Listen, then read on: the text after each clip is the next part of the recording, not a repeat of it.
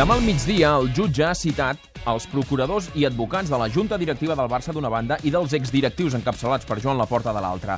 Els comunicarà la seva decisió sobre el judici per l'acció de responsabilitats que es va posar en marxa fa 4 anys després d'aquella decisió de l'Assemblea de Compromissaris del club també induïda, això és veritat, per l'actual junta directiva. No sé què decidirà el jutge, no sé quina de les dues parts en sortirà guanyadora i quina perdedora. El que sí que tinc clar és que d'aquest embolic qui més perjudicat en surt és el club. Veure dues directives enfrontades per la lectura que fan dels balanços econòmics, arrossegades per l'odi personal, ha estat trist.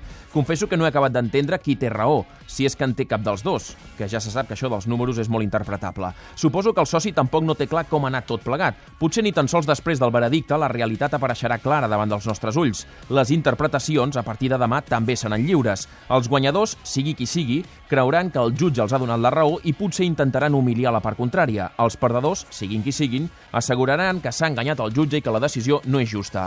El club hi haurà perdut. Haurem vist les misèries internes esbombades públicament, als ulls de tothom, i amb la certesa que ningú ha pensat en el club. Tothom ha pensat més aviat en les seves fílies i sobretot fòbies. La sort seria que demà s'acabés tot plegat. El problema és que tinc seriosos dubtes que això sigui així. Catalunya Vespre Esports. Amb Òscar Fernández.